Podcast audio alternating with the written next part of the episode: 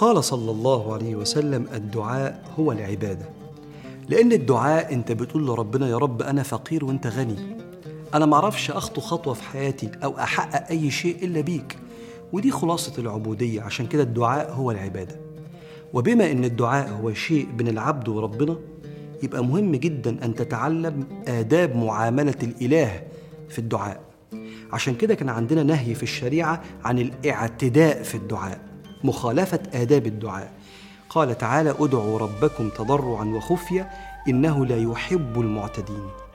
ومن صور الاعتداء في الدعاء اللي العلماء اتكلموا عليها الدعاء على النفس أو على شيء أو على حد بتحبه حتى لو من ورا القلب.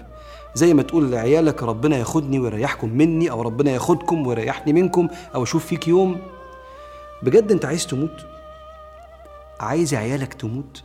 قال صلى الله عليه وآله وسلم لا تدعوا على أنفسكم ولا تدعوا على أولادكم ولا تدعوا على خدمكم ولا تدعوا على أموالكم ألا توافقوا من الله تبارك وتعالى ساعة نيل فيها عطاء فيستجيب لكم.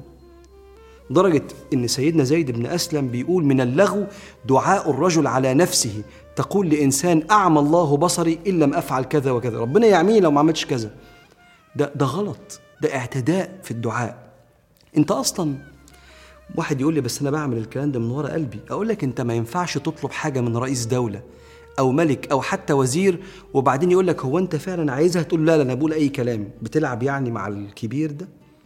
عشان كده من رحمة ربنا ياما سمع دعوات زي دي مننا وحمانا من نفسنا وما نفذها لناش قال تعالى ولو يعجل الله للناس الشر استعجالهم بالخير لقضي إليهم أجلهم.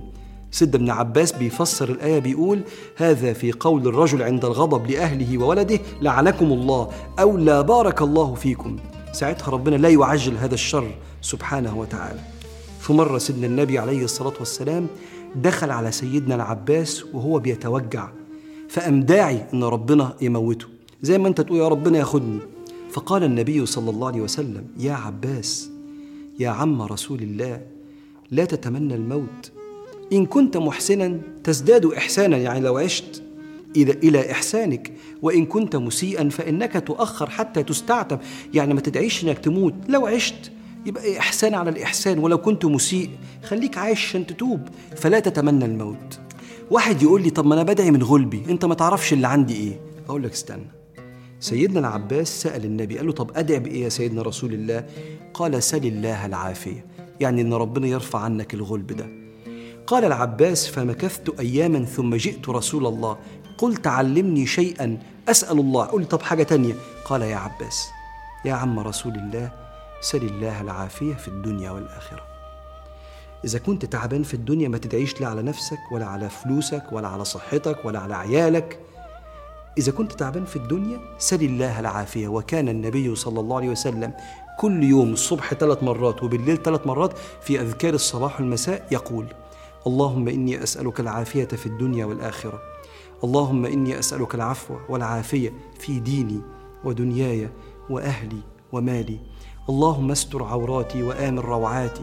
اللهم احفظني من بين يدي ومن خلفي وعن يميني وعن شمالي ومن فوقي وأعوذ بعظمتك أن أغتال من تحتي. إذا وانت بتدعي انت بتكلم ربنا. فما تطلبش منه حاجة كده أي كلام من ورا قلبك.